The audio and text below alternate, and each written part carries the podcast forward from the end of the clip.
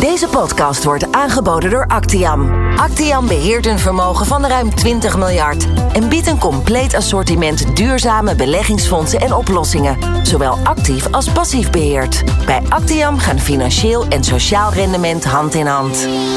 Actiam is responsible for growth. Welkom bij de Actian podcastserie Beleggen met Impact. In deze podcast bespreken we of Sustainable Link Bonds de volgende stap voor obligaties zijn. Ik ben Ron Lemmens en vandaag spreek ik met een duo. Carl Harnak, hij is senior portefeuille manager staatsobligaties en is met meer dan 31 jaar ervaring heel ervaren. Carl is in zijn carrière ooit gestart bij JP Morgan. En Foppe Jan van der Meij, senior portefeuille manager credits bij Actiam. Ook Foppe Jan is eh, zeer ervaren. Hij werkt al meer dan 20 jaar bij Actiam. Dit is de Actiam podcast-serie. Beleggen met impact. Welkom Carl en Foppe Jan. Dankjewel. Dank je. Ja, eh, de, de verdeling zegt het al een beetje, uh, in feite. Maar kun je nog iets meer duiden waar nu het verschil zit als het gaat om ja, de gebieden waar jij je bijvoorbeeld begeeft, Carl? Ik hou me vooral bezig en dat doe ik samen met een aantal collega's met uh, beleggingen die, uh, uh, ja, we noemen dat vastrent onder waarde, fixed income, obligaties die uitgegeven worden door, door overheden, staatsobligaties dus. En daaraan gelieerde obligaties, SSA's noemen we dat, subsovereigns en agencies. En ja, dat is een, grote, een grote markt op de kapitaalmarkt. Ja, en voor, voor jou, uh, Fopjan? Ja, ik hou me ook bezig met vastrente waarde. Net zoals Karel en, en zijn collega's. Mijn team, ons team, uh, kijkt dan naar bedrijfsobligaties. En dat een extra component, naast het rentecomponent, waar uh, Karel en zijn team ook naar kijken, is ook kijken naar de kredietwaardigheid van die bedrijven. Dus er komt een extra stukje bij, een stukje ook analyse van zijn die bedrijven wel kredietwaardig genoeg om in te beleggen? Ja, wat je met de overheden eigenlijk minder uh, hebt ja, natuurlijk. Ja. ja, nou ja, we hebben ook voorbeelden gehad natuurlijk in Griekenland ja. dat het ook gewoon fout kan gaan. Maar bij bedrijven, uh, ja, die zijn vaak gewoon, uh, die moeten op eigen benen staan. dus het is belangrijk om die gewoon goed door te gronden wat, wat, wat de kwaliteit daarvan is voordat je erin stapt. In deze podcast gaan we het onder andere hebben over sustainability linked bonds. Kan jij in een paar zinnen uitleggen wat dat precies zijn? Ja, misschien goed om een stap terug te doen. Uh, het is onderdeel van een bredere groep. En wij, noemen dat duurzame obligaties, ook wel ESG-obligaties genoemd. En wat bij de meeste mensen wel bekend is, is dat uh, de groene obligaties zogenaamd, dat is eigenlijk veruit de grootste subcategorie. Maar je hebt ook sociale obligaties en ook een mixvorm. Een nieuw nieuw kindje eigenlijk aan de, aan de front. Dat zijn uh, ja, in een Engels woord Sustainability Linked Bonds. En het is een hele mooi, mooie toevoeging aan het universum. Maar het is wel anders dan die categorie die ik net noemde. Bijvoorbeeld bij uh, groene obligaties, daar heb je echt sprake van. Wij noemen dat use of proceeds bonds. Dus dat zijn eigenlijk de gelden die worden opgehaald met die obligaties. Die worden één op één in een bepaald groen project gestopt. En bij Sustainability Link Bonds is dat anders. Daar is eigenlijk gewoon de link met de bedrijfsdoelstelling, de duurzame doelstelling van het bedrijf gelegd. En ze hebben dat zo gestructureerd dat als die duurzame doelstellingen, als ze dat niet halen, dan krijg je een hoger rendement op die obligaties. En dat doen ze eigenlijk om, om aan te geven dat die duurzame doelstellingen heel belangrijk zijn. En dat is zeg maar het nuanceverschil. En waarom is het gekomen, zo'n categorie als dit? Dat komt eigenlijk omdat ze of die bedrijven uh, of organisaties te klein zijn voor, om, om een groene obligatie uit te geven. Of ja, ze hebben niet zoveel geld nodig om die duurzame doelstellingen te halen. Kijk, we hebben het nu over bijvoorbeeld energie of, of, of eh, puur kijken naar van bij groene obligaties windmolens waarin geïnvesteerd wordt. Maar je hebt ook te maken met bijvoorbeeld dat partijen hun hele productketen duurzaam willen maken. Dus we willen bijvoorbeeld kinderarbeid uitbannen. Nou, dat zijn bijvoorbeeld sociale componenten. Wat ze ook in hun duurzame doelstellingen willen laten terugkomen. En dat gaat niet altijd om heel veel geld. Maar het gaat wel om dat ze die doelstelling hebben. En dat willen ze dan tot uitdrukking laten komen in, in, in zo'n obligatie. Dat, dat ze een extra commitment uitspreken. Dat is een mooi voorbeeld. Maar heb jij nog voorbeelden, Carl? Nou, het is zo dat uh, die sustainability linked bonds vooral uh, worden uitgegeven door, uh, door bedrijven, dus in de, in de, in de creditsector. de, de green bondmarkt is natuurlijk ook heel groot als het gaat om overheden en, en, eh, en de SSA-categorie. En ja, die geven eigenlijk normale green of social bonds uit, of sustainability bonds. Je kan het op drie manieren definiëren. Maar uh, ja, dat is een beleggingscategorie die bij ons uh, heel groot is. We zijn natuurlijk voortdurend bezig met het verduurzamen van onze portefeuille. En uh, ja, voor het zetten van de, de grote stappen. Ik noem maar bijvoorbeeld Duitsland, Italië. ook Nederland hebben groene obligaties uitgegeven. En omdat die markt zoveel groter is, is het natuurlijk aantrekkelijk voor beleggers als als Actiam om, uh, om daarin uh, te beleggen. Sustainability linked bonds, dat is iets wat bij ons nog niet uh, echt in scope is. Nee, maar wel in de toekomst wellicht? Ja, mogelijk. Al, alhoewel het type beleggers die staatsobligaties kopen ja, dat zijn vooral uh, uh, treasuries van banken, dat zijn uh, pensioenfondsen, dat zijn verzekeraars zoals wij.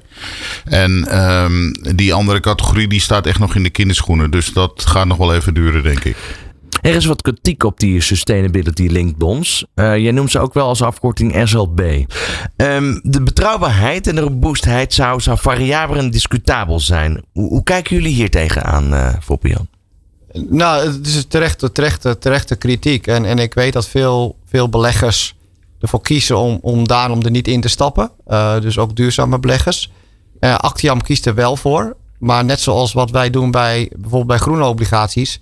Wij doen wel onze eigen beoordeling van die, uh, van die obligaties. Dus onze eigen duurzame beoordeling. Dus we kijken niet alleen maar wat is gangbaar in de markt. krijgen ze in de markt een stempel? Nee, we geven zelf ook een stempel. En de kritiek ten aanzien van die SLB's is vooral dat je ziet weinig, uh, dat noemen we dan second party opinions. Dus dat zijn uh, dus een externe beoordeling. Nou, bijvoorbeeld bijna 100% van de groene obligaties die wordt door een externe beoordeeld. Dat zie je bij SLB's minder.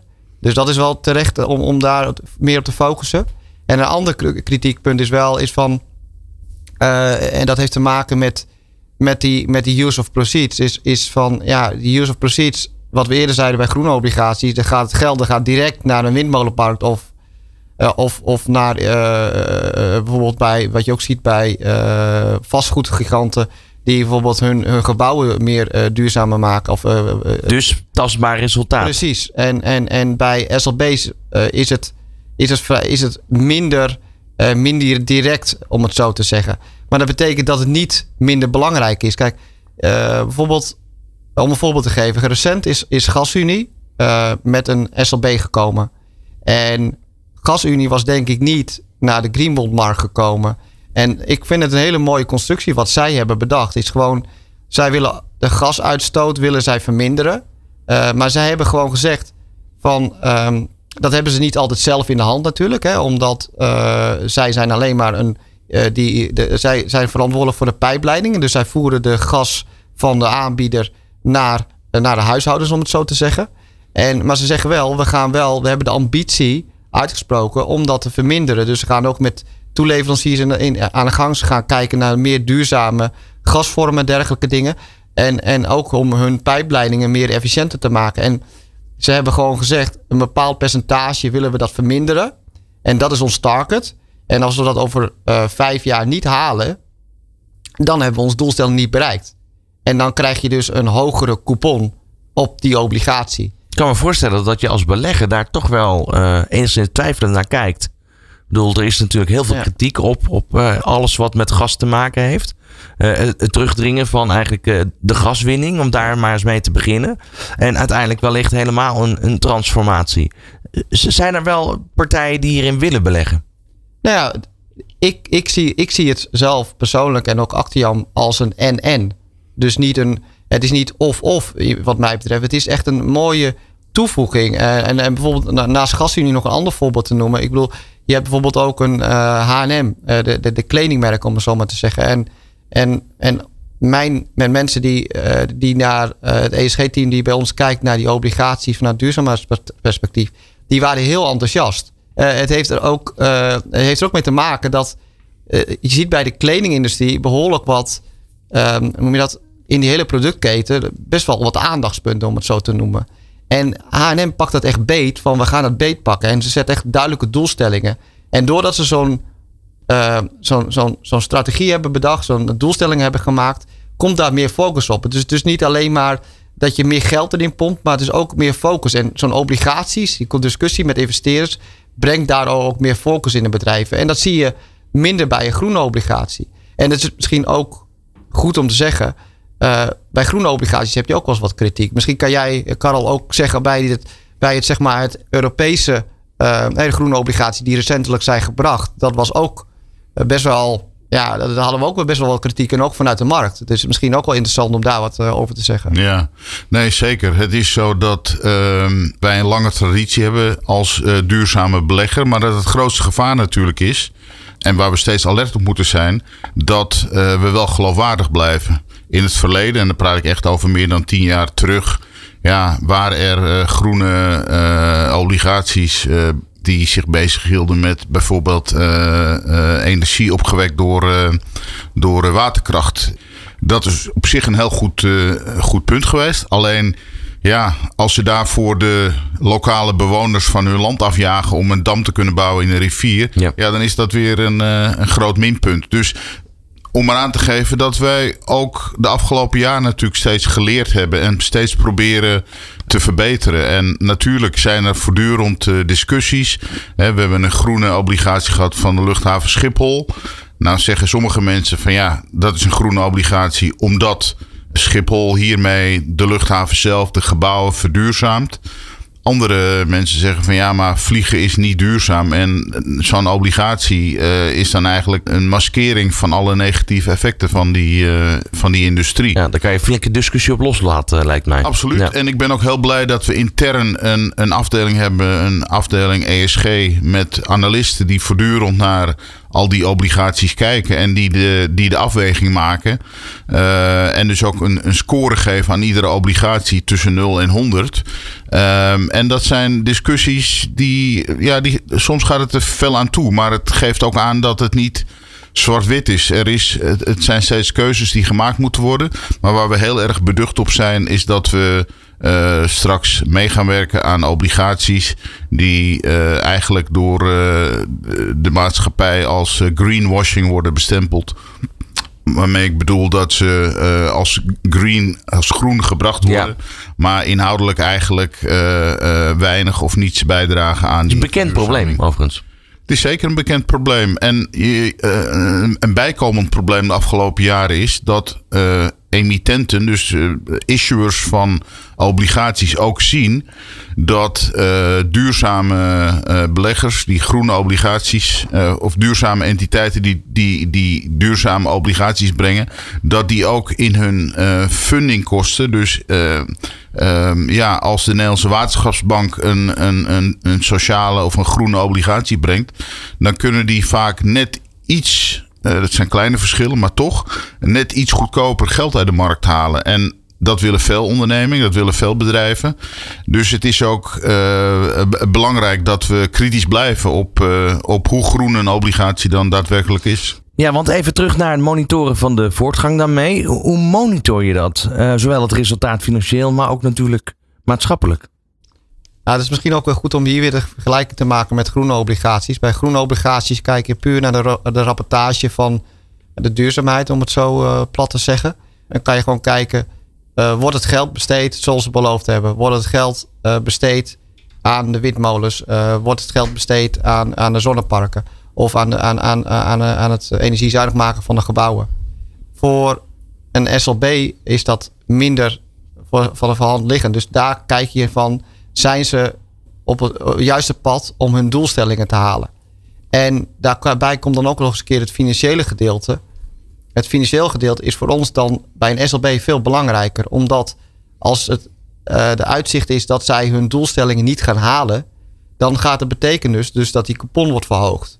Maar wat nog belangrijker is, om aan te geven dat het misschien wel belangrijk is, um, die, die couponverhoging is in de markt op dit moment ongeveer 25 basispunten, dus 0,25 procent. En dan, dan zullen we denken van 0,25 procent, dat is hartstikke weinig. Maar met de lage rente en de lage coupon op dit moment is dat best wel een grote, grote, grote hap. De gemiddelde coupon op dit moment is ongeveer 0,4% op de obligaties die, die ik dan zie. Rond de 7, 7, 8 jaar ongeveer. Dus dat is, ja, dat is meer dan de helft dat de coupon wordt verhoogd over, over vijf jaar, om het zo maar te zien. Maar wat nog belangrijker daar is, is van. Het is niet alleen die couponverhoging, want wij krijgen dan een hoger rendement. Het is ook de reputatieschade van het bedrijf wat er gebeurt, omdat ze de doelstellingen niet halen. En ook dat beleggers zeggen: van ja, wacht even, jullie halen het niet, dus wij, wij stappen eruit als duurzame belegger. En dat kan marktinvloed, marktimpact hebben. Mhm. Dus dat is voor een belegger zoals wij heel belangrijk. En dan teruggaan omdat naar die rapportage over de duurzaamheidsdoelstellingen. Het is wel belangrijk om daar ook bij te zeggen, is dat je moet continu moet je dat monitoren. En uh, bij, een, bij een Greenmond is het, bij wijze van spreken, doe je, hè, doe je kijk je naar jaar 1 in welke mate de projecten zijn uh, volge, volgemaakt, om het zo maar te zeggen. En dan kan je ook kijken van, nou ja, als er een projectje wegvalt of hoe het geherinvesteerd wordt. En dat kijk je jaarlijks. En dit is eigenlijk bij een SLB is een continu proces om, om in te gaten te houden hoe die doelstellingen uh, worden, worden, worden opgevolgd. Even, even naar uh, waar het natuurlijk om gaat. Hè. De, eigenlijk de reden waarom je gaat beleggen. Ga je beleggen om uh, rendement? Of ga je ook beleggen, in dit geval duurzaam, om een, een bepaalde transitie te bewerkstelligen, zoals de energietransitie? Dragen die SLB's bij aan de zoektocht naar rendement of toch eerder aan die energietransitie? Nou, het rendement, kijk, het is ook wel goed om te noemen, de, de, hele categorie duurzame obligaties zijn eigenlijk normale obligaties. Dus de, uh, wij noemen dat dan uh, eigenlijk gewoon wat niet duurzame obligaties zijn, is, is gewoon grijs noemen we dat. En de rendementen die daarop worden betaald, zijn vergelijkbaar. En um, misschien is het ook wel, Karel, wel interessant om even te noemen, wat, dat er wel sprake is van een greenium in de markt. Maar per saldo om je antwoord te geven op je vraag, uh, zoek toch naar rendement. De rendementen zijn vergelijkbaar, dus het draagt niet bij aan extra rendement. Uh, maar die greenium is wel interessant om dat even te benoemen. leg, leg eens uit, Carl. Nou, het was uh, toen we begonnen met, uh, met, uh, met green bonds. dat is alweer een flink aantal jaar geleden. Toen was het nog zo dat entiteiten, issuers, uitgegeven instellingen, om het op zijn Nederlands te zeggen, die wilden natuurlijk vooral dat hun obligaties zouden, zouden slagen. Dus we hebben in het begin gezien, beginjaren gezien, dat uh, je een groene obligatie kon kopen die ook nog wat extra's gaf. Dus je kreeg een hoger rendement en je droeg bij aan de duurzaamheid van, je, uh, van de wereld en de duurzaamheid van je portefeuille. Daar is de afgelopen jaren wel een flinke verandering in gekomen. En we zien een verschijnsel ontstaan wat we noemen uh, greenium. Wat eigenlijk inhoudt dat uh, groene obligaties tegen lagere fundingkosten voor de emittent worden uitgegeven. En dat betekent dus ook tegen een lager rendement voor, uh, voor beleggers. Bij ons is het zo dat we die duurzaamheid heel belangrijk vinden. Maar voor onze klanten is net zo goed het rendement dat we maken op de portefeuille heel belangrijk. Dus wij zijn kritisch als het gaat om dat duurzaamheidsaspect. Maar we zijn ook kritisch als het gaat natuurlijk om het rendement wat we maken. Dus we zien in bepaalde sectoren uh, dat er ja, grote verschillen zijn tussen wat uh, we noemen de grijze obligaties, de normale ja. obligaties en de groene obligaties. Als ik kijk naar uh, overheden, recentelijk is er een, een Duitse groene obligatie uitgebracht. Ja, die is dan drie, vier basispunten duurder dan een uh, grijze obligatie. En wij moeten iedere keer ons uh, de vraag stellen van... vinden wij deze duurzaamheid op dit moment uh, zoveel belangrijker... dat we bereid zijn basispunten op te geven? En in principe proberen we dat zoveel mogelijk te vermijden. Er zijn Want gebruiken nog, maak je nog wel gebruik van de mix grijs-groen? Ja, zeker. Uh, we, we, we, hebben ook grijze uh, obligaties in de portefeuille. Maar als wij bijvoorbeeld van een, uh, van een agency of van een SSA emittent, ik noem maar iets, de Europese Unie bijvoorbeeld, die hebben obligaties uitgebracht sinds begin dit jaar. Dat noemen we de Next Generation EU obligaties, EU obligaties. Daaraan hebben we eigenlijk niet of nauwelijks meegedaan. Maar sinds uh, september zijn ze begonnen met groene obligaties. Daar hebben we dan wel aan meegedaan. Dus uh, het is een voortdurende afweging. Maar uh, het is belangrijk om zowel op rendement te letten als op die duurzaamheidsfactor. Eén laatste vraag voor deze podcast. Hoe zien jullie de toekomst van deze beleggingscategorie? Nou ja, puur kijken naar, naar SLB's is het denk ik heel belangrijk. We hebben een enorme stijging gezien. En wat ik al eerder gezegd heb, het is wat mij betreft, het is een NN. Uh, dus, dus is een categorie die, die je niet kan missen. Uh, alleen het is wel heel belangrijk in welke mate uh, andere duurzame beleggers hier, hier instappen. Want uiteindelijk moet het wel bij duurzame beleggers komen om het populair te houden, om het zo te zeggen. Maar alle tekenen zijn dat, dat het gebeurt. Want als je kijkt, vorig jaar bijvoorbeeld was deze markt nog heel erg klein in zijn kinderschoenen. Uh, toen was er nog maar 9 miljard uitgegeven. Nou, dat is een heel groot bedrag, maar dat is voor de financiële markten redelijk klein. En dit jaar staan we al op bijna 70 miljard. Um, de verwachtingen zijn dat we wel de 100 gaan halen. Uh, maar dat is nog steeds een klein bedrag ten opzichte van bijvoorbeeld de groene obligaties. Want dat, dat, dat zijn zeg maar, uh, dat gaat richting de 400. en, en, en dus dat zijn wel andere bedragen. Um, en het is ook goed om te zeggen van ik zei vroeger altijd van, dit blijft altijd een niche-markt in zijn algemeenheid, duurzame obligaties. Maar je ziet dat wel veranderen. En het betekent wel dat gewoon bij beleggers, maar ook in de financiële wereld, het is wel gewoon, het is wel aangekomen van we moeten iets doen. En, is, is het denkbaar dat dit straks misschien wel de gangbare manier van nou, beleggen is? Ik, wellicht niet voor de volle 100%, maar voor drie kwart? Nou, misschien goed om te noemen is dat, dat het was vaak, het was echt gewoon, er worden nieuwe obligaties geprint, zeg maar, door bedrijven en door, door overheidsinstellingen uh, bijna elke dag. En, en dat was, op een gegeven moment was dit, dit, deze categorie 2% van die markt. En het is inmiddels al 20%. Dus, dus dat geeft wel aan. Hoe het gaat hard. Het gaat hard is. En, uh, maar ik denk wel dat waar we alert op moeten zijn als investeerders, maar ook als de hele industrie, is dat we wel vooruitstrevend blijven. We, we moeten ambitie hebben. We moeten ambitie hebben om die energietransitie aan te pakken, om sociale problemen aan te pakken.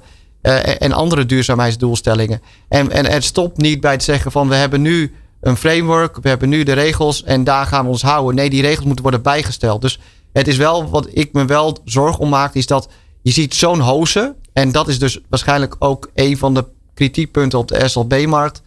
Je ziet, uh, de, bedrijven moeten het niet te makkelijk krijgen om zo'n ding uit te geven. Het moet wel echt zijn dat ze hun ambitie hoog neerzetten. En dat is ook de reden geweest dat wij bijvoorbeeld bepaalde, bepaalde namen hebben afgekeurd. En, en, en bijvoorbeeld, we zijn ook de EU Next Generation Fund bijvoorbeeld. Daar hebben we ook hele uh, discussies gehad met het ESG-team over van voldoet dat wel aan onze eisen? En de bedoelingen zijn daar goed. Maar wat ik begrijp is wel dat het wel heel gekunsteld is, omdat er allerlei landen bij elkaar komen. Nou, dat zijn discussies die moet je blijven houden. Ja, want ik kan me voorstellen dat je als bedrijf, hè, stel je bent niet oprecht daarmee bezig, maar echt eigenlijk bewust bezig met greenwashing, dat het dan een soort van signaal afgeven is van kijk eens, we zijn groen bezig. Correct. En, en, en, en, en dat kan ook omslaan. Hè? Want uh, bedoel, we hebben recentelijk gezien de asset manager van Deutsche Bank bijvoorbeeld. Die werd beschuldigd van greenwashing. En, en je zag een enorme duikeling in de aandelenkoers van dat bedrijf. En dat is dus niet alleen een, een, een voor hun duurzaamheid, eh, om het zo te zeggen, eh, een slecht signaal, maar ook voor een financieel, financieel rendement op die bedrijven. Dus het gaat, wat dat betreft gaat dat hand in hand. En voor beleggers is, daarom, is het daarom ook vanuit een risico en een rendement oogpunt belangrijk om, die, om, om daarom te blijven focussen. Wat, wat kunnen overheden doen? Nou, overheden spelen natuurlijk een, belangrijke rol als het gaat om bijvoorbeeld energietransitie. He, veel projecten die door de overheid uh, uh, bedacht worden of gestimuleerd worden, uh, windmolenparken, ik noem maar iets. daar is ontzettend veel geld voor nodig. En om het verschil aan te geven in de, in de grootte van bijvoorbeeld SLB's, versus bestaande groene obligaties. Die markt voor groene obligaties is een volwassen markt. Daar spelen hè, de laatste 15-jarige EU, uh, eh, van de Europese Unie, die was, uh, werd 12 miljard groot. Maar het orderboek, dus er was belangstelling voor 135 miljard. Dat geeft al aan hoeveel geld er van institutionele beleggers is om in, in deze groene markt te steken. Ja. En het is belangrijk om, om kritisch te blijven. En wat Foppian net aangaf, zeker hadden we intern grote discussies. Onze afdeling ESG heeft haar eigen oordeel over uh, hoe groen een obligatie nou is.